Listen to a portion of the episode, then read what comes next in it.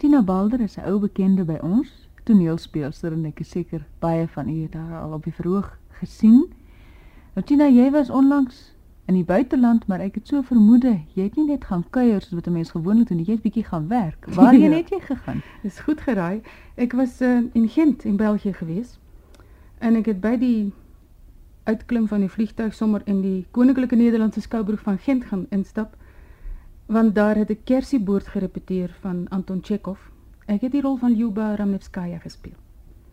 Het jy dit in die landstaal gespeel? Ja, weer 'n slag in Nederlands. Is dit nie moeilik om weer aan te pas terug nie? Nee, ek eerlik eh, hierdie keer het ek nie so baie gesukkel as wat ek die eerste keer in 1964 wel gesukkel het, moet ek sê.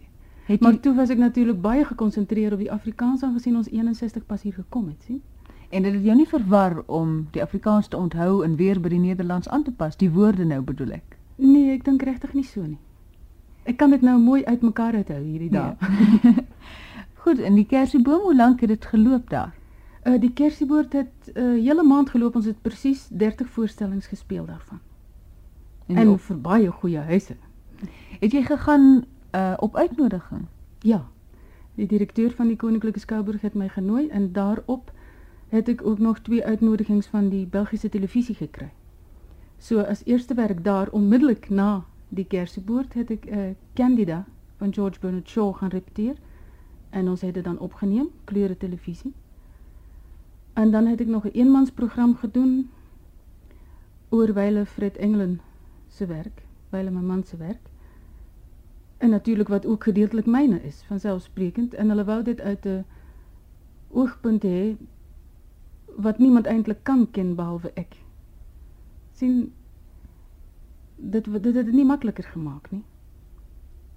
Want daar waar jy dink dat jy nou 'n bietjie balans gekry het en afstand gedoen het van sekere sentimentele waardes, moet jy nou weer oopkrap en en jouself waarsku teen sentimentaliteit want dit jy wil mos nie hê dat dat jy self 'n goedkoop program moet maak van wat jou so dierbaar was nie waar Ja, jy moet objektief staan. Ja, dit was die moeilikheid. En het jy toe die televisieprogram gesien daarna? Ja, ek het hom onmiddellik gesien in die gedeelte soos hy opgeneem is, maar nou nog nie in die soos hulle hom sal aan mekaar las nie. Maar ek het 'n goeie idee want ehm ek meen die regisseur en ek aangesien ons net die twee van ons was uh, gedagtewisseling, was dit natuurlik 'n baie intense samewerking. En ek meen ons het op een spoor uitgekom. As dit in die begin dalk twee paaie was, wat nou normaal is. 'n 'n regisseur, 'n man wat die storie bekyk of die vertolkster wat die vrou was uh, van die persoon waaroor dit gaan plus dat ek sy eerste leerling was. Uh voor ek sy vrou was, ek bedoel was ek sy leerling gewees. So hy het my op die teater ook gemaak. Kan jy dink dat dit nie so maklik was eers om die paaie bymekaar te kry, maar uh, ons het absoluut in ooreenstemming gewerk teen die tyd dat die opnames daar moes moes gebeur. En ek wonder nou as jy jouself nou so sien op die doek, hoe dit gevoel om jouself te sien. dis natuurlik nou uh, mos soos jy self jouself weer terugsien in 'n film, né? Uh eers kyk jy en jy probeer objektief kyk, maar naderhand raak jy weer terug in die spel en jy speel nou saam met wat jy daar op die doek sien. So dan is jy nie meer objektief nie. O. Dit is 'n baie tricky ding. So jy kyk nie krities dan met ander woorde nie. Ek probeer altyd, maar ek kan dit nie volhou um, om die hele prentjie, die hele verloop. Jy weet Mm. sê nou dit was 50 minute, jy sien? Mm. Ek kan dit nie volhou vir 50 minute om myself krities te bekyk nie. Dis onmoontlik want ek het dit dan pas gedoen. Want jy weet hoe gaan dit nou by die televisie? Jy neem dit op en dan sê jy jy kan maar boontoe kom in die in die visiekamer. Hulle rol dit net terug en jy kan dit onmiddellik sien. Nou jy kan tog verstaan dat 'n mens nie kan afstand doen daarvan sommer so nie, né? Ja. Nie op so eh, op 2 minute se tyd nie. En hoe lank was jy weg gewees? Ek was 6 maande weg gewees. En nou dat jy terug is, wat is die planne nou? Uh, nee, ek uh, is in die rolverdeling van Andorra, Max Frisch. Dis die openingstuk vertrek. Ek dink is baie goeie keuse ook. Is dit in die rol? Hoe lyk die Uh, rol? ek ek speel die moeder. Jy weet, dit is 'n soort simbool van 'n moeder. Nou wonder ek, ek het jou nou verskeie rolle gesien, en verskeie tipes rolle. Hm. Hoe benader jy die verskillende karakters en verskillende soorte karakters?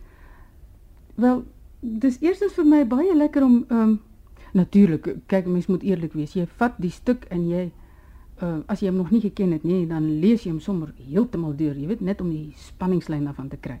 Maar so kan 'n mens natuurlik nie eintlik begin nie. Uh wat ek waar ek so van hou is dat ek eers kan kyk in watter periode, watter tydstip in die in ons geskiedenis die stuk val. Want die vrou uh, se rol en die vrou se plek in die lewe uh, verander baie na gelang welk tydstip na gelang welk jaargetal jy inspel nie waar nie. Dis nog nie sodanig lank dat ons nou so geëmansipeer is nie, nie waar nie. En dan uh, begin ek bietjie kyk waarom die skrywer die stuk uh, wel geskryf het. Ek bedoel wat sy motief was. En dan moet jy natuurlik in die rol begin soek waar jy die grootste klim kan lê om die motief te help duidelik maak saam met die ander spelers. En dan daarna moet jy die gedagtegang uitmekaar begin haal van die hele rol. En nou is dit baie snaaks want ek kan nie sê dat ek aan bladsy 1 begin werk nie. Dis nie waar nie.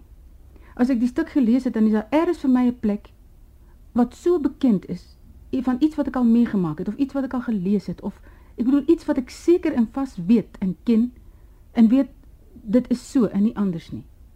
Nou daarvandaan vertrek ek en sê, maar hoe het sy dan tot die gedagte gekom? En waar gaan sy heen? En so bou ek aan voor en agter. Partykeer lê die punt baie vooraan in die stuk.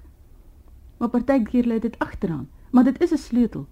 Ek het altyd eers in die stuk 'n sleutel En dan maak ek die deurtjies oop vorentoe en agtertoe en ek kry my gebou aan mekaar. Ek meen ek maak die doolhof so vir my vir myself bietjies bietjies oop.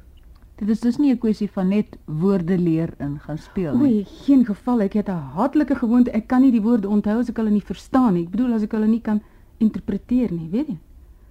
Nee, dit is dit is dis onmoontlik. Ek ek sal altyd ehm um, op repetisies vashaak as ek nog nie seker is van een of ander stukkie teks as ek nog nie heeltemal seker is wat dit in daai karakter op daai oomblik kom doen nie. En 'n regisseur van die stuk, hoe beïnvloed hy u? Ek is twee groot ore as my regisseur praat altyd. Enige regisseur?